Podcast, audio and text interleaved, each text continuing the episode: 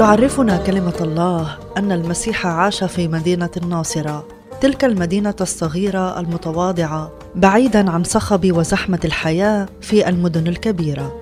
هناك أحداث هامة تبعت مولد المسيح في بيت لحم.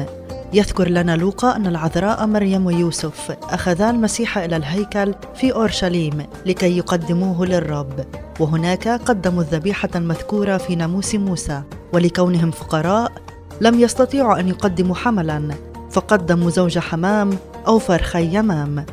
إلا أن في الحقيقة كان المسيح هو حمل الله الذي سيبذل نفسه عن كل خطايا البشرية والذبيحة النهائية والكاملة. هناك في الهيكل نجد تأكيد الروح القدس لمن هو المسيح ورسالته على فم رجل تقي اسمه سمعان ونبية اسمها حنّا فسمعان الذي أوحي إليه بالروح القدس أنه لا يرى الموت قبل أن يرى مسيح الرب. أخذ المسيح على ذراعيه وبارك الله وقال الآن تطلق عبدك يا سيد حسب قولك بسلام لأن عيني قد أبصرتا خلاصك. وحنا النبية تكلمت عنه مع جميع المنتظرين فداء أورشليم. إلا أن مجيء المسيح سبب اضطرابا للقادة السياسيين في أورشليم. فلما سمع هرودس الملك أن الحكماء الذين جاءوا من المشرق كانوا يبحثون عن ملك مولود اضطرب وجميع أورشليم معه وطلب منهم أن يخبروه عن مكان الملك المولود متظاهرا أنه يريد أن يسجد له. وعندما أدرك أن حكماء المشرق لم يعودوا إليه بل سخروا منه غضب جدا فأرسل وقتل كل أطفال بيت لحم من ابن سنتين فما دون ظانا أنه قتل المسيح.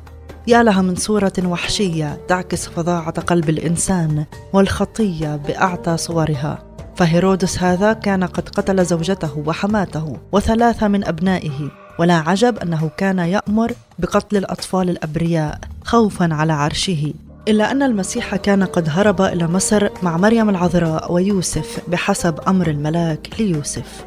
بعد هذه الأحداث عاد المسيح إلى اليهودية وعاش وتربى في مدينة الناصرة. وهنا نجد كلمات قليلة جدا عن هذه المرحلة في حياة المسيح.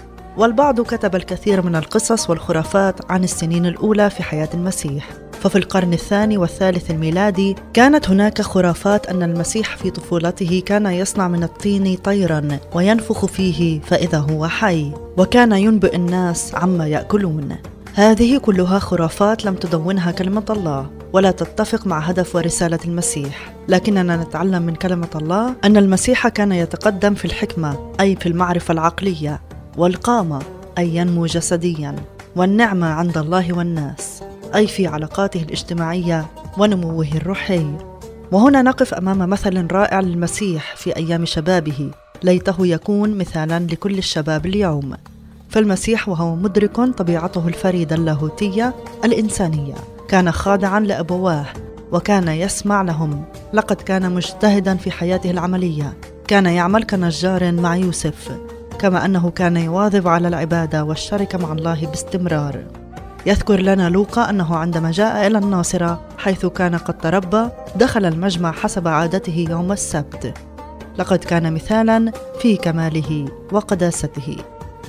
فكر في حقيقة أن المسيح كان بالنسبة للمنتظرين الفداء هو المخلص المنتظر بينما كان مصدر خوف واضطراب لأولئك الذين رفضوا محبة الله وعاشوا في الخطية.